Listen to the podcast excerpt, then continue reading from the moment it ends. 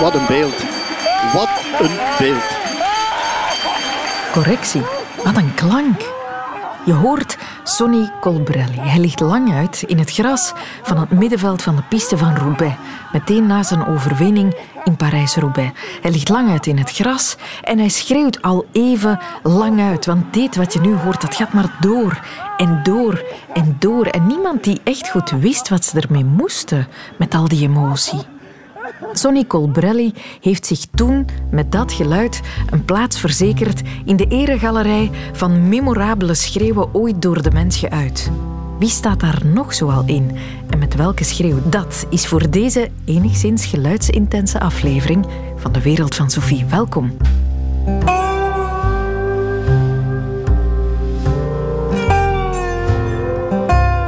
Schreeuw van Colbrelli is wel meer kijkers van deze woeste editie van Parijs-Roubaix opgevallen.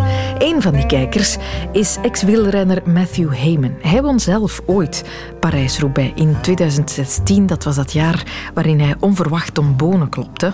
Alleen was zijn reactie van Heyman het totale tegenovergestelde. Toen hij besefte dat hij won, staarde hij gewoon met open mond voor zich uit kan hij zich enigszins inleven in die schreeuw van Colbrelli. Wart Bogaert zocht hem op. En heeft die een dek van een seizoen gereden, zeg Italiaans kampioen, Europees kampioen en nu Parijs-Roubaix winnen. Ja, ja. Als ze hem niet tegenhouden, gaat hij het gras afmaaien met zijn tanden. Wat een beeld. Wat een beeld. Ik denk dat er verschillende manieren. In het begin was het uitbusting en dan op een gegeven moment een beetje beseffen. Bijna huilen misschien. Om te denken van alles wat je meegemaakt heeft om tot die plek te komen. En dan, dan valt hij in de armen van zijn uh, verzorger en dan is het weer een andere emotie. Wat een beeld. Wat een beeld. Dus jij ziet en hoort drie verschillende schreeuwen eigenlijk. Ja, ik denk het wel. Ik denk dat je ziet hem overgaan en, en, en proberen te beseffen wat is gebeurd. Hè. Jij kan je daar natuurlijk wel iets bij voorstellen. Hè? Bij wat voor emoties daar komen bij kijken naar wat jou in 2016 is overkomen. Ja, ik was, uh, ik was niet meteen gaan uh, schreeuwen. Ik was niet meteen gaan uitbasten zo. Maar uh, bij mij was iets meer ongeloof was misschien bij hem, ja, hij besefte in de finale van de Roubaix dat hij het moest afmaken. Waar ik in een beetje een andere situatie het kon het afmaken. Voor mij was misschien uh, ja, ongeloof. We gaan er eens even naar kijken. Hè? Matthew Heyman kan het zelf niet geloven. Iedereen om mij heen was aan het schreeuwen, maar ik was, uh, blijf vrij kalm. Gelooft het nog altijd niet. Ik win Parijs-Roubaix, zegt hij zelf. Maar het is wel waar, het is wel degelijk waar, Matthew Heyman. Je hebt gewonnen, jong. Op het moment dat ik over de streep kom, valt eigenlijk allemaal dat last van je af. Dat je, ik was heel vrij. Ik, ik, voelde, ik voelde niet de stress of de druk van, van dat moment. En misschien Cobrelli wel. Misschien daarom uh, op die manier. En ik voelde me heel vrij. Ik was gewoon aan koersen. Ik, ik had plezier in. En, en toen ik over de streep en dan besefte ik wat, ik, uh, wat gebeurd was. Toen was het van, ja, klopt dat allemaal? Uh, is er niemand weg? ik steek mijn handen in de lucht, maar ja, dit klopt eigenlijk niet. Ja. Ik voelde me een beetje of ik van buitenaf mezelf van bekeken was. En daar komt nu pas het besef, de ontlading. Matthew Heyman wint Parijs-Roubaix. Ik was in ongeloof, maar op een gegeven moment... Uh, de bezorgers en een paar andere mensen van, van mijn ploeg komen naar me toe... en die hebben gezegd van, je hebt het echt gedaan, je hebt het echt gedaan. op een gegeven moment ben ik toch wel achteruit gestapt... en heb ik wel even, even iets laten horen. Ah, er was toch een, een klein Heyman-schreeuwtje ook.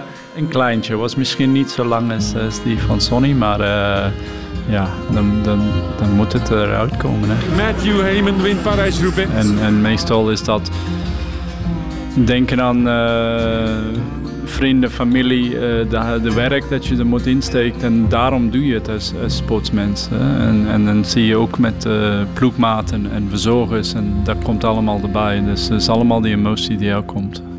Ik heb in Australië een, een, koers gewonnen uh, bij de, ja, de gemeente bestspelen is dat. Een kleine Olympische Spelen voor uh, deellanden van Engeland. En ja, daar had ik het daar wel. Ik had uh, ja, echt gewoon met vuisten helemaal dikt en echt gewoon van onderuit laten horen dat ik blij was. Ja.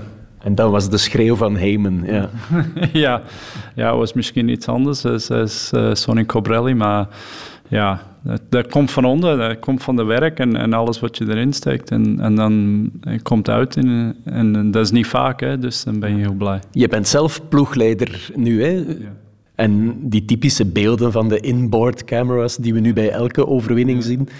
Heb jij ook al zo zitten schreeuwen in een auto bij een overwinning van een van je jongens? Ja, natuurlijk. Misschien meer dan van mezelf. Dus uh, je bent minder in controle. Hè? Uh, als je zelf fietst, dan weet je ongeveer precies hoe alles zit. Maar in de auto, dan, dan weet je niet hoe ze voelen. En je, en je hopen en je domen voor de hele ploeg, voor iedereen, dat het, dat het gaat goed komen. En, en dan, uh, als het wel lukt, mm. dan valt het iets meer uit de lucht. Maar als je zelf, dan, dan heb je iets meer in de hand. Maar dan hoor je op de radio, het is zij hebben gewonnen. En dan ja, natuurlijk is het uh, roepen samen met de, met de mechanician, met de, met de andere sportdirecteur. Zou het kunnen dat Parijs-Roubaix de wedstrijd is waar je sowieso het emotioneelst bent uh, op het einde? Ik wel. Ik weet niet voor iedereen, maar ik wel. Um, of het uh, was goed gegaan of slecht gegaan, ja, het was ja, vaak vallen, vaak pek hebben. En uh, niet vaak winnen hoor. maar uh, soms kon je wel een, een, een, heel content zijn met het resultaat. Het gevoel hebben dat het goed ging. Maar meestal was het teleurstellend. Maar toch, telkens, elke jaar kom je terug. En je ging daar naartoe met ja, de goede moed. Je moest jezelf helemaal opladen voor die koers. En dan, maar stiekem weten dat meestal ging het mislopen.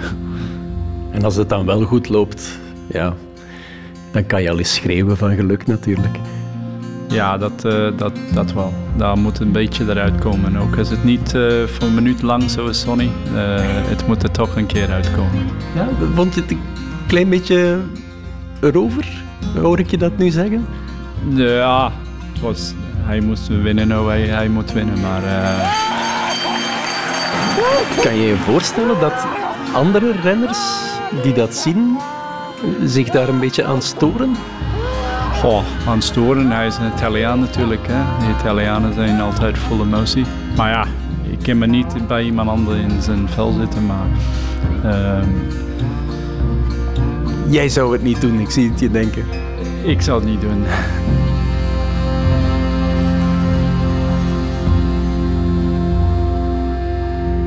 Zou dat bepalen hoezeer wij het uitschreeuwen, ons temperament?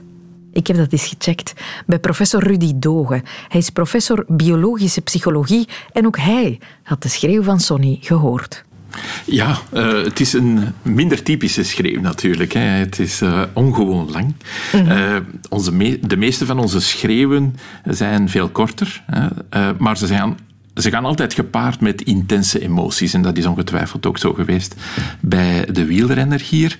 Uh, en het, uh, het is interessant omdat het eigenlijk uh, uh, een zekere connectie geeft. Hè. Het, het, verbindt ons met onze niet-verbale voorouders. Hè. Het is een mm -hmm. heel, heel uh, oude respons. Hè. Een oude vocale respons van... ja, die verwijst naar een periode toen we nog niet verbaal waren. Ah, ja. dus dat is, dat is wel interessant. Want uh, er zijn verschillende soorten van schreeuwen natuurlijk. Hè. Dit mm -hmm. is mhm. duidelijk een schreeuw van blijdschap.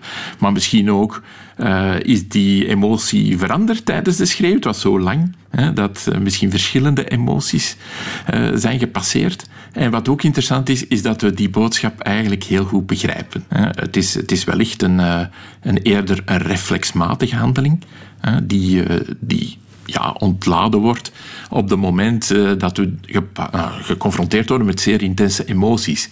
Dat wil niet zeggen dat het zomaar een, een vrije kreet is, hè, want enkele maanden geleden hebben collega's, onderzoekers aan de Universiteit van Zurich, nog geïdentificeerd dat we eigenlijk zes, minstens zes verschillende soorten van schreeuwen kennen bij ah, de ja? mens. Hè. En dat zijn ten eerste een aantal alarmschreeuwen, alarmkreten, hè, die uh, ja, worden geuit bij momenten van pijn of woede of vrees. En dan zijn er een aantal, ja, wat zij niet-alarmschreven hebben genoemd, bij gebrek aan een betere term, denk ik, eh, die uh, optreden op momenten van plezier, extase of, uh, of verdriet. Ah, ja. En zoals ik zei, interessant is dat we dat eigenlijk heel goed herkennen. Want wat die Zurichse onderzoekers hebben gedaan, is eigenlijk mensen in de hersenscanner gelegd en die verschillende soorten van screams, van, van kreten, te horen gekregen. En dan zagen ze dat er verschillende soorten van hersenresponsen komen wanneer verschillende soorten schreeuwen horen. Mhm. Dus dat, dat illustreert natuurlijk dat wij heel snel en heel goed zijn om die schreeuw te plaatsen. Om die boodschap van blijdschap of vreugde of, zelf, of paniek, anderzijds, om die heel snel te erkennen bij onze mhm. medemens. Ja. Dus het is iets dat helpt bij onze interpersoonlijke communicatie. Ja, het is een communicatiemiddel. Maar dat is wel zo. Een schreeuw, uh, dat kan je niet negeren. Hè. Je gaat daar altijd snel meteen een reactie op hebben. Je hoofd uh, draait meteen naar de kant waar de schreeuw vandaan komt. Of je, schiet, ja, je wordt zelf mee alert eigenlijk. Precies, ja. ja. ja en dat, dat illustreert ook het efficiënte. Hè? Van die communicatie. Ja, ja, ja. Het is meer dan een woord. Het is, het is intenser dan een woord. En daarom gebruiken we het natuurlijk ook. Daarom gebruiken dieren ook schreeuwen natuurlijk. Die niet over verbaliteit beschikken. Omdat het onmiddellijk binnen een heel korte tijd eh, een, een boodschap kan sturen. Ja, bijvoorbeeld gevaar, gevaar. En dan zijn al mijn soortgenoten meteen ook op de hoogte. Precies, ja. We zien dat ook bij bijvoorbeeld bepaalde apen. En die zelfs niet zomaar één alarmkreet hebben, maar verschillende soorten alarmkreten, afhankelijk van het soort van predator die, eh, die in aantocht is. De communicatie bij gevaar is duidelijk. De communicatie bij Colbrelli is dan eerder... Ja, wat, wat zou daar de communicatie zijn? Kijk naar bij. Ik maak hier nog wel eens iets mee, jongens. Ja, ja het is, het is zoals ik zei, het is waarschijnlijk hier een gemengde boodschap. Mhm. Eh, het is niet onmogelijk hè, uh, dat, dat hij ook pijn voelt op dat moment. Het is toch een eh, een buitenmenselijke bijna prestatie, zo'n zo'n racefietsen.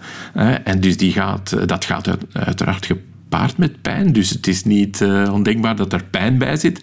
Het is zeker zo, hè, na al die maanden trainen en daar naartoe leven, dat het ook uh, een kreet van blijdschap is. Ja. Dus het is bij hem waarschijnlijk, dat is misschien ook de reden waarom het zo lang heeft geduurd, uh, een, een, mengeling van verschillende emoties die hij overbrengt. Ja. Ik heb al wel eens gehoord, als het over pijn gaat, dat we schreeuwen van pijn omdat de schreeuw ons zou afleiden van de pijn die we dan voelen op dat moment. Zou dat kunnen? Ja, dat zou kunnen. Uh, dus uh, natuurlijk, de, een pijnsignaal is een, is een heel aparte neurofysiologische baan. Hè. Dat zijn specifieke zenuwen in ons lichaam die pijnsignalen gaan naar onze hersenen brengen. Dat verandert natuurlijk niet met het schreeuwen of niet, maar natuurlijk na de pijn, de pijnprikkel zal ik het maar noemen, is er ook natuurlijk onze emotionele reactie op die mhm. pijn. En dat, dat is natuurlijk vooral dat pijn ellendig kan maken, hè, dat ons kan laten lijden, hè, wat er nadien volgt. Het slepende van de pijn, het ellendige, eh, het lijden dat pijn veroorzaakt. En daar kan natuurlijk, eh, ja, op een of, als je op een of andere manier erin slaagt om die emotionele reactie een andere plaats te geven of, of een, andere, een ander karakter te geven, dan is dat natuurlijk nuttig. Dat kan met een schreeuw, dat kan vooral ook door elkaar te troosten. Mhm. want dus sociale interactie is op dat moment bijzonder belangrijk. En wellicht is die schreeuw ook een kreet daarvoor. Van kijk, ik ben hier in nood, kom me alsjeblieft snel helpen. Ja, ja, ja, ja. Is het iets, als het zo reflexmatig gebeurt, als het iets is dat we al ja, meenemen, eeuwen, uh, millennia lang, um, kan je het dan tegenhouden? Ja, zoals alle primitieve reacties van ons lichaam, zeg maar. Hè, uh, dus gaande van nog meer eenvoudige reflexen, zoals de kniepeesreflex. Wanneer u op de pees van uw knie slaat, mhm, dan mhm. slaat uw been naar voren. Wanneer u ontspannen bent, u weet ook dat u die kan onderdrukken. Vanuit, vanuit de hersenen kan u die reflexen ook afremmen. En dus net als allerlei soorten van dergelijke reflexen en primitieve reacties, die zeer aangepast zijn, uh, kunnen we die ook onderdrukken. En er is natuurlijk bij de mens hebben we die grote hersenen die ons gedrag verder controleren, die door cultuur en opvoeding en omgeving bepaald zijn. En die kunnen ook bepalen dat sommige mensen, wanneer ze emotioneel zijn, het uitschreven. Hè, zoals onze Italiaanse wielrenner.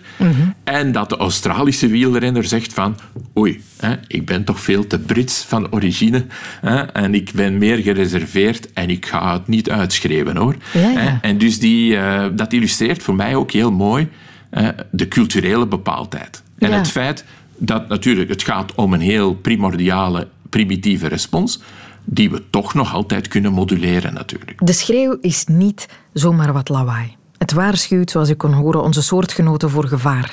Het trekt hun aandacht als we pijn hebben en als we misschien wel wat getroost willen worden. Dat is mooi, hè? Hoe we reflexmatig een ander bij ons roepen als er ons iets overkomt. Kijk nu iedereen, kijk nu toch wat er gebeurt. Zoals Sonny deed. En waarmee hij zichzelf een plek in de eregalerij van noemenswaardige schreeuwen in de wereldgeschiedenis wist te versieren. Die eregalerij wordt aangevoerd door de Wilhelmschreeuw trouwens. Kent u die? Allicht kent u die, zonder te weten dat u hem kent. De Wilhelmschreeuw is een schreeuw die ooit eens gebruikt werd in een film in de jaren 50 en die vervolgens keer op keer op keer op keer weer opdook in andere films, daarin gemonteerd tijdens de klankmontage. Maar waarom deed men dat elke keer opnieuw met die ene schreeuw? Dat is Lotte de Kaluwe gaan uitzoeken bij sounddesigner van heel wat series en films, zoals bijvoorbeeld Patser, Thomas Vertongen. Dat is hem. De originele Wilhelm Scream. Zo kort. Ja, heel kort. Ja, een seconde.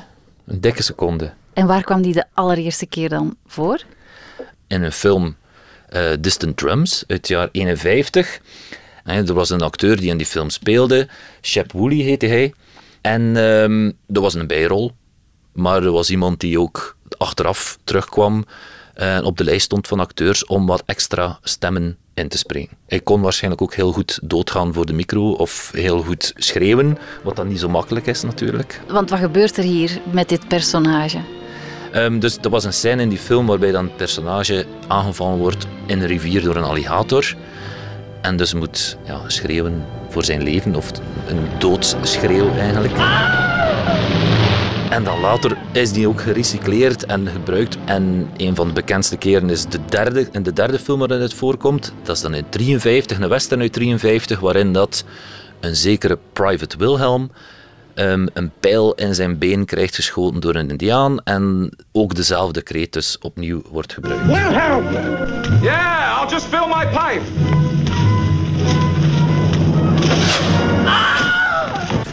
Maar dat was dus die kreet uit die film uit 51. Ja. En waarom is dat dan zodanig... Ja, waarom spreken we er vandaag de dag nog over? Dan in de jaren 70 is eh, Ben Bird, de ja, een beetje legende binnen het sounddesignerswereldje, ehm, op de originele tape gestoten, waarop dat stond. Op die tape stond geschreven Man gets bitten by alligator. En dat bleek dan de originele opname te zijn van die verschillende takes van die Shep Woolley, die die kwam in eh, roepen uit de jaren 50. Dus heeft hij dan terug gerestaureerd of opnieuw ingeladen en is die dan beginnen gebruiken in zijn eigen werk. En de eerste keer was in de eerste Star Wars, waarbij dat er een stormtrooper eh, geraakt wordt door Luke Skywalker en die valt van het platformje zo helemaal naar beneden en hoor je dus ook. En sindsdien is die in heel veel eh, films teruggekomen. Alle Star Wars tot aan 2015 zit hij ergens in. Indiana Jones, eh, alle Indiana Jones films, die dus ook gedesigned zijn door Ben Bird, daar zit hij ook een paar keer in. Iemand die van een trein valt of iemand die door een rotsblok wordt verpletterd. Ehm, dus die schreeuw komt zodanig veel voor Het is een gimmick eigenlijk. dat het eigenlijk, ja, na een tijdje is het een beetje een joke geworden. Of is het een beetje een gimmick geworden. ehm, onder ja, de in-crowd van de film-editors en sound-editors. En de weinige mensen die ervan wisten. I've got it. Every fusion gets something new. A new power.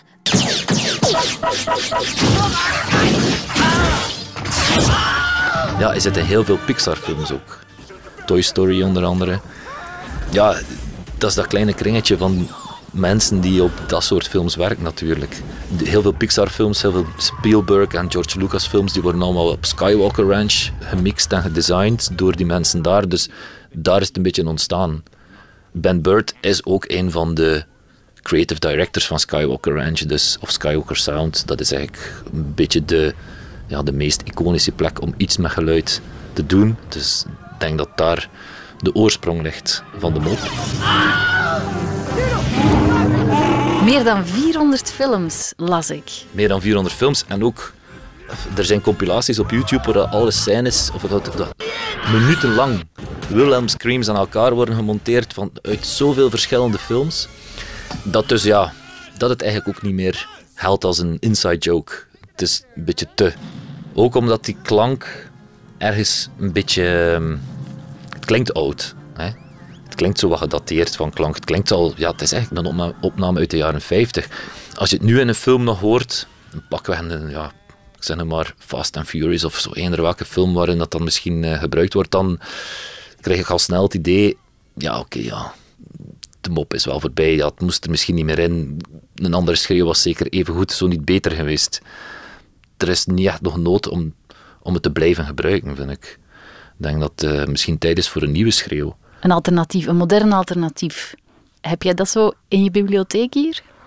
Eh, ja, er zijn heel veel doodsschreeuwen beschikbaar van mensen die zichzelf een keer volledig hebben laten gaan voor een micro. Ehm, en die ook zelfs de Wilhelm Scream een beetje nadoen. Bijvoorbeeld... ehm, pom, pom, pom, pom. Dat lijkt er heel hard op. iets langere versie. Ehm, dus als ik ehm, een schreeuw nodig heb, dan... eh, Dan tik je gewoon bovenaan links in je zoekbalkje That Scream. Ja. En dan komt daar echt een immense lijst. Hoeveel? ja, nu 289 resultaten. Ehm, van kort, lang, male, female, ehm, vrouw van 64.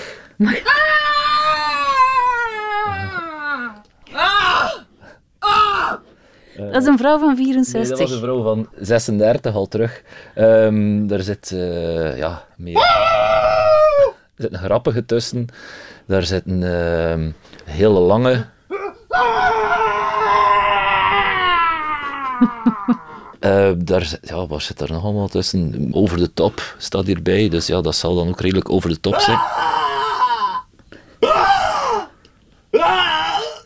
Heb jij ooit een, een doodschreeuw toegepast bij jou in een van de films die je gedaan hebt? Bijvoorbeeld Patser, daar gaan toch ook veel mensen dood? Ja, ja in Patser gingen er effectief wel eh, redelijk wat mensen eh, dood, maar ja, die, die kon weinig zeggen voordat ze, allee, in de korte tijdspanne eh, voordat ze neergeknald werden. Dus er werd niet echt geschreeuwd, maar eh, twee jaar terug eh, werkte ik op eh, Yummy, de zombiefilm. En dan zijn er ook redelijk wat mensen die eh, afgeslacht werden of aangevallen door zombies. Dus daar zijn een aantal schreeuwen meer dan één eh, aan te passen komen, ja, absoluut.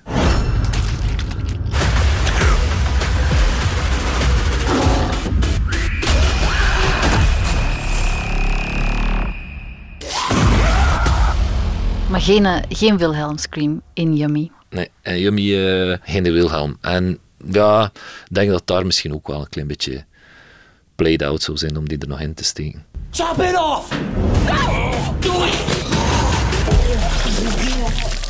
Wat moet een, een Dead Scream hebben opdat die echt volgens jou klopt, goed is?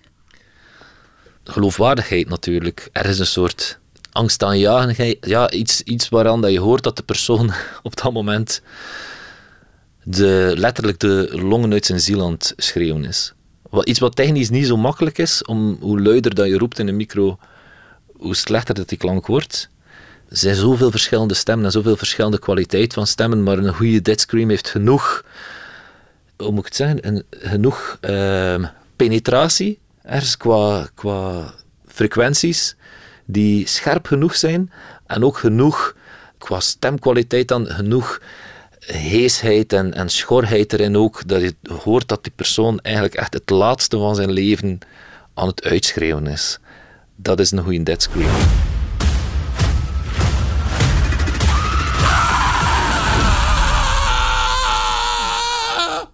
sounddesigner Thomas Vertongen over de Wilhelmschreeuw. In films zitten nog wel wat iconische schreeuwen natuurlijk, hè, die ook wel een plek verdienen in de eregalerij.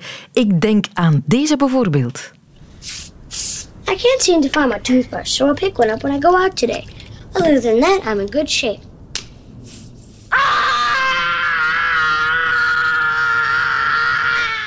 Herken je hem? De schreeuw van Macaulay Culkin in Home Alone is het. Hè? Hij is alleen thuis achtergebleven, wil zich morgens net als zijn vader scheren voor de spiegel, doet van die lotion op zijn wangen, kletst zijn handen tegen zijn kaken en gilt. Een geniaal beeld is dat, van dat manneke met zijn handjes tegen zijn wangen. Dat is meteen ook het beeld voor de affiche geworden, maar, bijzonder om te weten, was eigenlijk nooit de bedoeling van de regisseur. Macaulay Culkin deed het spontaan bij de eerste take en ze hebben daarna nog veertig andere takes opgenomen. Zonder de handjes, maar die eerste bleek de beste te zijn. En dat is uiteindelijk toch ook filmpostergeschiedenis geworden. Nog filmgeschiedenis, dat is deze schreeuw. Arms your eyes scream, man. Scream for your life.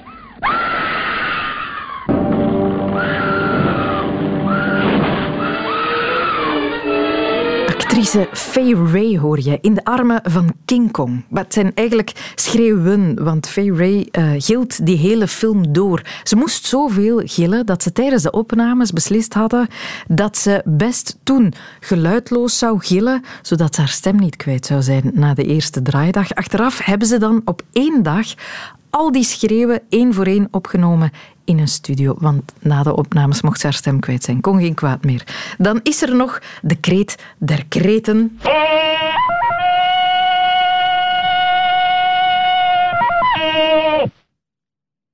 Hmm, even van me komen. De Tarzan-schreeuw, natuurlijk. Die is er al van bij het prille begin. Uh, bij Tarzan bestond eerst in een tijdschrift. En daarin beschreven ze eerst vooral de Tarzan-kreet. Toen beschreven ze die als het schreeuwen van een wezen dat als een kruising tussen een stier en een aap is. Hoe dat klinkt, dat laat ik aan uw verbeelding over. Het is pas in de tweede Tarzan-film dat Tarzan ook wel degelijk geluid krijgt, maar ja... Allee, ja. Dat was het toch nog niet. Oordeelt u zelf maar. Ja! Ja! Ja! Ja. U begrijpt dat er moest verder gezocht worden naar een betere kreet. En die komt er dus bij monden van acteur Johnny Weissmuller in 1932. Tenminste, dat beweert Weissmuller zelf. Dat hij de befaamde ja, ja, ja, uh, bedacht en geschreeuwd heeft. Maar er zijn kapers op zijn kust. Een zekere Lloyd Thomas Leach, die operazanger was in de jaren 50, beweerde ook dat hij de stem was van de Tarzan-kreet. Dat is ook een overtuiging die zijn kinderen en zijn kleinkinderen delen. En meer, een journalist uit die tijd, uit de jaren 70, beweerde ook dat het Lloyd Thomas Leach was, maar niet alleen. Lloyd Thomas Leach. In de geluidsstudio zouden ze bovenop zijn stem ook nog de stem van een sopraan geknald hebben, de grom van een hond, een streepje viool en zelfs het huilen van een hyena zou er doorheen gedraaid zijn. En dat dan achterstevoren gespeeld. En dat zou dan moeten ergens op een of andere manier dit geven.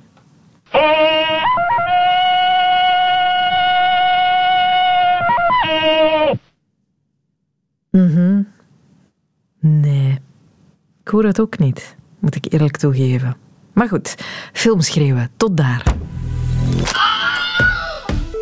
Ik wil ook een zeer specifieke culturele schreeuw in de eregalerij opnemen, namelijk de Therrorift of de Zagareet als ik het goed uitspreek. Ik ben het niet zeker. U heeft die misschien al eens gehoord. In steden kan je het soms horen, in het weekend, wanneer er huwelijken gevierd worden. Het is een soort vreugdekreet die vrouwen in verschillende moslimlanden en in sommige Afrikaanse landen slaken tijdens feesten. Fatima Lou is 34 en zij kan hem ook. Ze kreeg hem namelijk als kind aangeleerd en ze heeft hem zelf ook aan haar kinderen geleerd, naar goede oude traditie.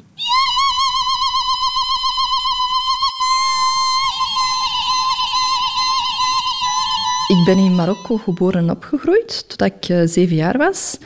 Um, en daar was het als iemand in het dorp trouwde, was dat een dorpstrouwfeest. Dus ik, herinner mij echt ja, kei jong, dat, dat er altijd wel een trouwfeest was. En dat was niet gelijk hier op uitnodiging. Als je ergens een trouw hoorde, dan liep je binnen en dan uh, ging je meefeest. Want iedereen is, zeg maar, ja, familie nu niet echt, maar het is een dorpsverhaal. meest gekend is bruiloften. Um, maar eigenlijk uh, ook op geboortefeesten. Elk vreugdevol moment. Als er een bruiloft is, iedere keer als de bruid zeg maar, de zaal binnenloopt of ze gaat naar buiten. Of als de ouders van het bruidspaar erbij komen. Uh, of als er een, een, gast die je al heel lang niet hebt gezien, die komt de zaal binnen, dan gaat eigenlijk... De mensen die dat kunnen, gaan ook de vreugdekreet slaken. Is dat juist woord? Uh, ik zie je knikken, dus het zou goed zijn.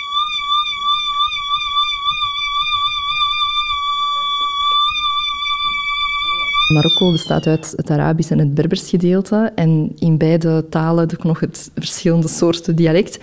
Dus waar ik van oorspronkelijk ben, zeggen wij ferrorecht. Dus dat. Mijn schoonfamilie zegt juero.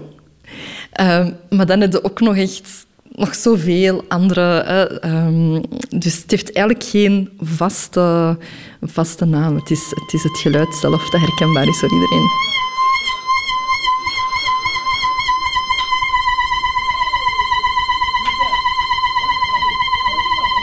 Je hebt het klakken van de tong kunnen doen.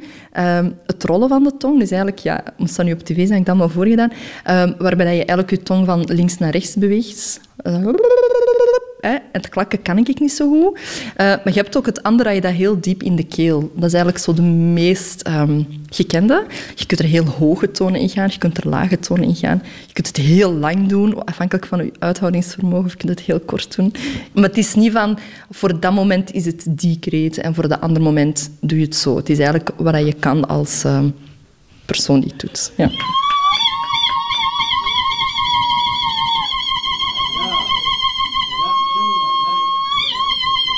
Ik heb de kreet eigenlijk geleerd van um, alle vrouwen rondom mij in Marokko. Dus um, ik ben echt in een heel klein dorpje opgegroeid, uh, heel hoog in de bergen. Als er mensen aan het praten zijn of aan het zingen zijn, op het moment dat ze het horen, dan kijken ze richting de persoon die het aan het doen is. Dus ja, de eerste keer dat je het doet, dan moet je echt wel inderdaad heel veel overwinnen, want all eyes on you. Um, en als het mislukt, dan, dan merk ik vaak zo aan de jongere nichten of aan de jongere vriendinnen dat ze dan zo op een grappige manier gaan afsluiten of zo. Of er is iemand anders die het dan overneemt.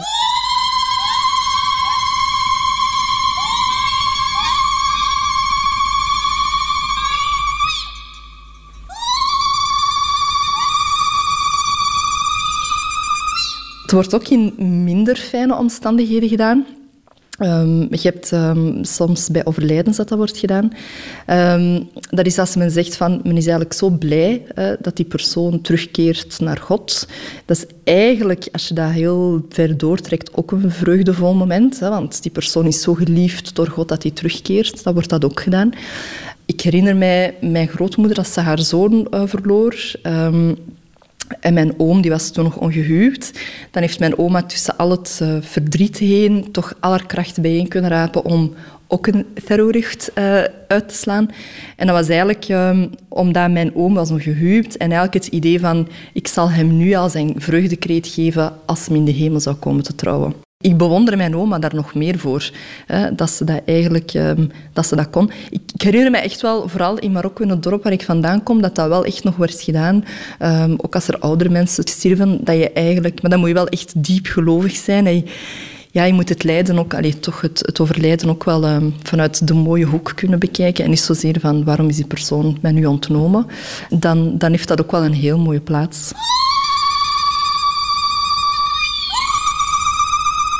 Mijn dochtertje van drie uh, leert het ook. Ik vind echt, en mijn zoon heb ik het hem ook aangeleerd. Dus dan, soms pakken wij gewoon... Ja, we hebben dan ook zo'n muziekinstrument, zo'n ronde... Wij noemen dat dan edjon. Uh, maar is een tamboerijn gewoon, uh, rond. Dus dan soms kunnen wij gewoon echt boven uh, muziek, Marokkaanse muziek staan zingen. Want dat heb je ook nog. Je hebt ook echt heel klassieke liederen. En dan ja, geef ik dat mee en dan beginnen wij te zingen en ja, te dwarroen zeker. Ja. Nu wil ik het wel graag eens horen. Um, ik raad u aan om even... nee, maar je hebt die koptelefoon, dat lukt wel. Um, het typische is, als, als wij dat doen, dan zie je vaak dat een vrouw, dus diegene die dat doet, dat die eigenlijk haar hand voor haar mond houdt, omdat... Ik vind dan zelf dat je dat niet echt het meest elegant uitziet. Ehm, ik ga het gewoon doen, hè. Dus... Uh,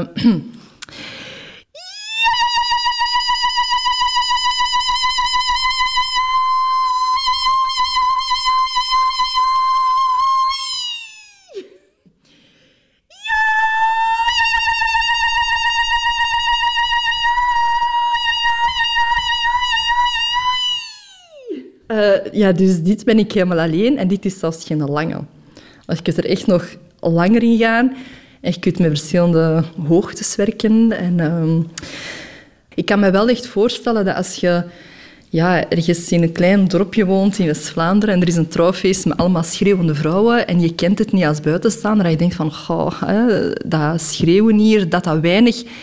Maar voor mij heeft dat een heel diepgaande betekenis en het... Uh, ja, en het raakt mij oprecht als ik zie dat mensen het niet meer kunnen. Dan denk ik, allee, als uw kinderen later trouwen of uw kleinkinderen, ah, kom aan. Hè.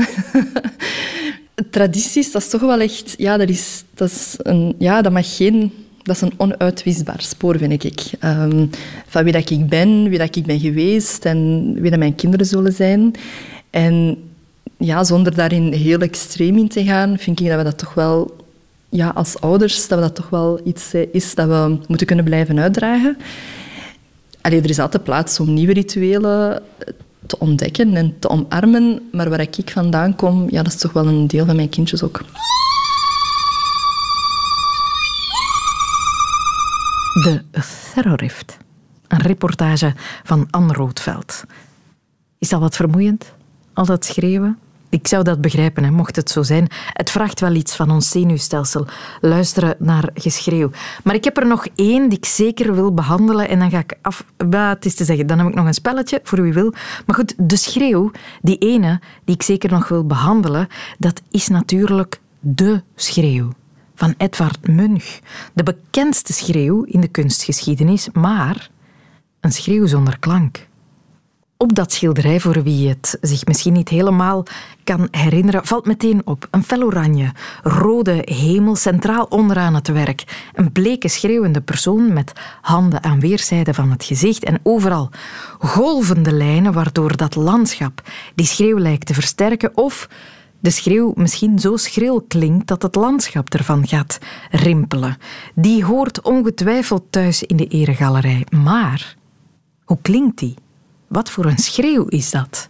Ik heb het daar ooit al eens over gehad met directeur van het SMAK, Filip van Kouteren. Ik wilde toen te weten komen of dat een angstschreeuw is of een andere. En hij zei toen dit. Wel, laat me even een klein boogje spannen. We kennen allemaal de mysterieuze glimlach van de Mona Lisa. Mhm. En we kennen ook de schreeuw van Edward Munch. Mhm. Heel bijzonder. Hoe een kunstenaar eind 19e eeuw in staat is een kunstwerk te maken dat verschijnt op ballonnen, op postkaarten, op koekjesdozen, maar dat vooral ook verschijnt in ons diepste, diepste binnenste en dat iedereen beroert en ontroert. Mhm. De schreeuw, je hebt het mooi beschreven, vind ik, maar je vergeet ook te zeggen dat er achteraan links nog twee figuren verschijnen, mhm. burgerlijke figuren een pak met een hoge hoed op. Ja. En dat je een figuur zit in het midden, inderdaad, die ook zijn handen voor de oren houdt. Is het een hij of een zij, zou je ook niet kunnen zeggen. Het is meer een grimas, het is mhm. meer een soort uh, verschijning. hè? Ja, ja. Iets, iets, iets dat aanwezig en afwezig is tegelijkertijd. En de vraag is, gaat die schreeuw over angst? Dat, daar kan ik ja en nee tegelijkertijd op antwoorden. En waarom uh, maak ik het ons in dit gesprek nu even moeilijk? Omdat ik denk dat het belangrijk is om ervoor te zorgen altijd een kunstwerk in zijn openheid te benaderen. Mhm. Ik denk dat een kunstenaar nooit intentie heeft zoals een wetenschapper of iemand op school ergens een diagram op een bord tekent, ons iets um, mede te delen. Ja, er is niet één sluitend verhaal dat perfect onder het schilderij past. Voilà. Maar kijk je natuurlijk iets meer in de diepte wie Edward, Edward Munch was, hè, mhm. en uh, zie je ook andere werken van Edward Munch, dan kan je niet anders uitkomen bij het feit dat dit werk natuurlijk een kunstwerk is dat te maken heeft met zeg maar, wanhoop, dat te maken heeft met eenzaamheid, dat te maken heeft met een onvermogen. Um, voor wat dan ook. En dat onvermogen zou ook wel eens angst uh, kunnen zijn. Het zou dus angst kunnen zijn, maar de kunstenaar zal nooit zomaar één bedoeling gehad hebben. Dus een sluitend antwoord vinden we daar niet, om te weten hoe die schreeuw zou klinken. Dus op pad. Crowdsourcend. Hoe denkt u klinkt de schreeuw? Ken je het schilderij? Ja, ja, ik ken het. Kan je het doen klinken? Jezus, maar ik schrik van mezelf. ja, ik hou me nog in, hè. Het zal klinken toch lager. Zit er zo van... Ah! Ben je iemand die vaak schreeuwt? Nee. Eigenlijk heb ik het ook al heel lang niet meer gedaan, dus... Nee. Ik schrik wel heel snel, dus... Maar dan maak ik geen zo'n geluid. dan schreef ik niet, dus... Ik denk dat hij een verbaasd geluid maakt. Dus iets van... Verbazing met daarna nog een angstschreeuw. En die zal dan misschien iets als... Ah! klinken. Ben jij zelf een schreeuwer? Nee, totaal niet. Dus ook in attracties of zo, waar dat veel mensen schreeuwen, daar hou ik mijn mond stil. En ook als ik schrik, is het niet echt uh, veel geluid dat eruit komt. Het is niet slecht. De, um, dat is wat jij hoort. Ik denk dat te horen als ik naar het schilderij kijk. Ik vloek te vaak, zegt, uh, zegt mijn lief altijd, maar een schreeuwer niet echt. Behalve als ik naar de voetbal ga, dan roep ik als op naar Pieter. Een bal die net op de paal vliegt of op de deklat, of, uh, ja, ja, ja, of de bal van de tegenstander die gevaarlijk dicht in de hoek komt, terwijl de keeper nog wel of net niet bij kan, zoiets, ja. En hoe klinkt dat dan, zeg je? Zoiets. ja, het deed een beetje pijn bij mij, ja. ja. En volgens mij is het nog hoger. Dat kwam echt van diep. Dat was, oh, dat was speciaal. Daar ben ik onder de indruk van. Is dit nu nieuw of, of is dit hoe jij gewoonlijk uh, schreeuwt? Uh, enkel als het maandag is, dan uh, klink ik zo.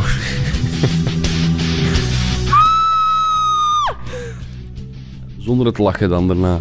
Zonder het lachen daarna, ja. Moet jij dat vaak inzetten, zo'n hoge tonen? Ja, ik doe zang soms wel. ah ja, jij zingt. Soms moet dat wel zo hoog. We zeggen wel schreeuw, want het kan een, een schreeuw van vreugde zijn ook, hè? Of een... Uh... Het kan recht uit een opera komen. Oh, diep. Dat is, ja. Geeft u vaak van dat soort schreeuwen, of is dat nu een... Uh... Ik geef alleen dat soort schreeuwen als ik pukkelpop, als er een artiest opkomt, uh, roep ik wel eens, ja. Um, dat is het wel ongeveer. Of als ik uh, met een hamer op mijn vinger sla, maar ik gebruik eigenlijk nooit een hamer, dus dat... Nee, ook niet. Ik zie vooral verwondering, denk ik. Uh, zo, oh, zoiets meer. Van, oh my god. ik denk dat het meer zo geschreven is. Misschien een reactie op iemand die schreeuwt. Zou perfect kunnen. Ja, iets wat op de achtergrond gebeurt, iets wat hij net gezien heeft. horrorfilm gekeken of zo misschien. Hè? Iemand schreeuwt om hulp en hij weet niet wat te doen. Het zou zo kunnen zijn, ja. ja. Als jij schreeuwt, is dat altijd oh? Ik schreeuw nooit. maar je supportert misschien voor een voetbal... Nee, voetbal niet, nee, nee, nee. Okay. Schreeuwen is een louter artistieke ervaring voor u? ja, absoluut. Ja. Ik ben slecht in schreeuwen eigenlijk, dat is echt wel waar. Dat is echt, uh, ja. Een verkeerde persoon. Ik zoek verder. Dat was te luid wellicht voor mijn microfoon, maar ik ga het niet vragen om nog eens te doen. Want hè, um, is zo uithalen iets wat u vaker doet, schreeuwen, of is het uh, nu eenmalig? Het is eenmalig.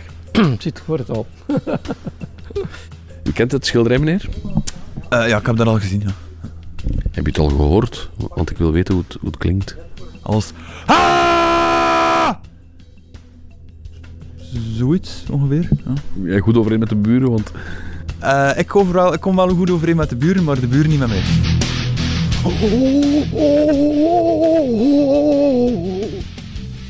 Dat is geen schreeuw, hè? Het is, het is wel een oergeluid, denk ik. Het is bijna apen, apenklank, hè? Kom. Ja, ja, het komt. Doe ze nog, doe ze nog eens.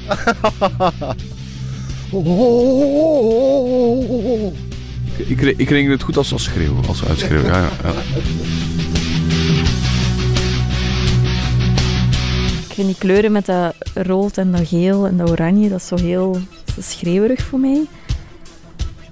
En dus misschien mm, heeft de titel te maken met de lucht en niet met de persoon van voor, vooraan. We worden allemaal beetgenomen, eigenlijk. Ja, misschien wel. Misschien dacht Munch van, Ik ga ze allemaal hebben. Dit maakt gewoon geen geluid. Zit eerder ergens daar. Mijn gevoel dat toch.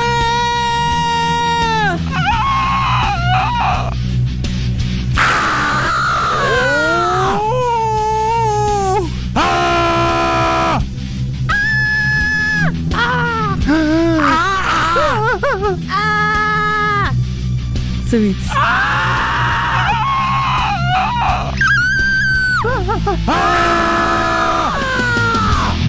De schreeuw. Eindelijk. Voorzien van klank. Met dank aan rapporter Brechte Volderen. Nog één dingetje. Eentje. Ja, dan stop ik. Echt. Het is een spelletje. Ik heb het al eens op de radio gespeeld, maar niemand kon het volledig goede antwoord geven. Het gaat zo, dus ik heb elf iconische muziekschreeuwen, want natuurlijk in de eregalerij van memorabele schreeuwen door de mens geuit ooit uh, zitten ook enkele bekende muzikale schreeuwen. Als er al ergens extreme emotie op korte tijd moet worden overgedragen, dan is het wel in de muziek. Ik heb er elf muzikale schreeuwen samengeplakt in 11 seconden tijd. En ik ben zeer benieuwd wie ze alle elf kan herkennen. Dus als u dat kan, stuur mij dan het juiste antwoord door via de wereld van radio1.be. En de eerste met alle elf juiste antwoorden, die krijgt van mij twee filmtickets. Dus ik speel het één keer af. Het is een podcast, dus u kan herbeluisteren naar hartelust. Ik speel het één keer af en ik hoop om nu wel een winnaar te vinden. Hier komt hij.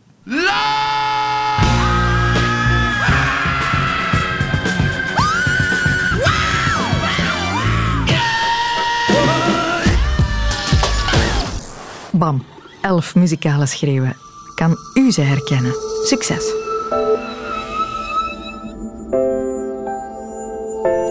Dit was de wereld van Sophie over de schreeuw. Ik ben heel blij dat u tot hier geluisterd heeft. Uh, puikwerk voor u en uw zenuwstelsel. Uh, volgende week een minder intense wereld van Sophie. Als u die graag automatisch toegestuurd krijgt, dan kan u abonneren op deze podcast. En anders, als u nog meer wil horen, je kan ons ook elke weekdag horen op Radio 1. Dat is telkens van 10 uur tot 12 uur. Dus heel graag tot gauw. Dit was een podcast van Radio 1. Ontdek nog meer podcasts van Radio 1 in onze app en op radio1.be. Radio 1. Altijd benieuwd.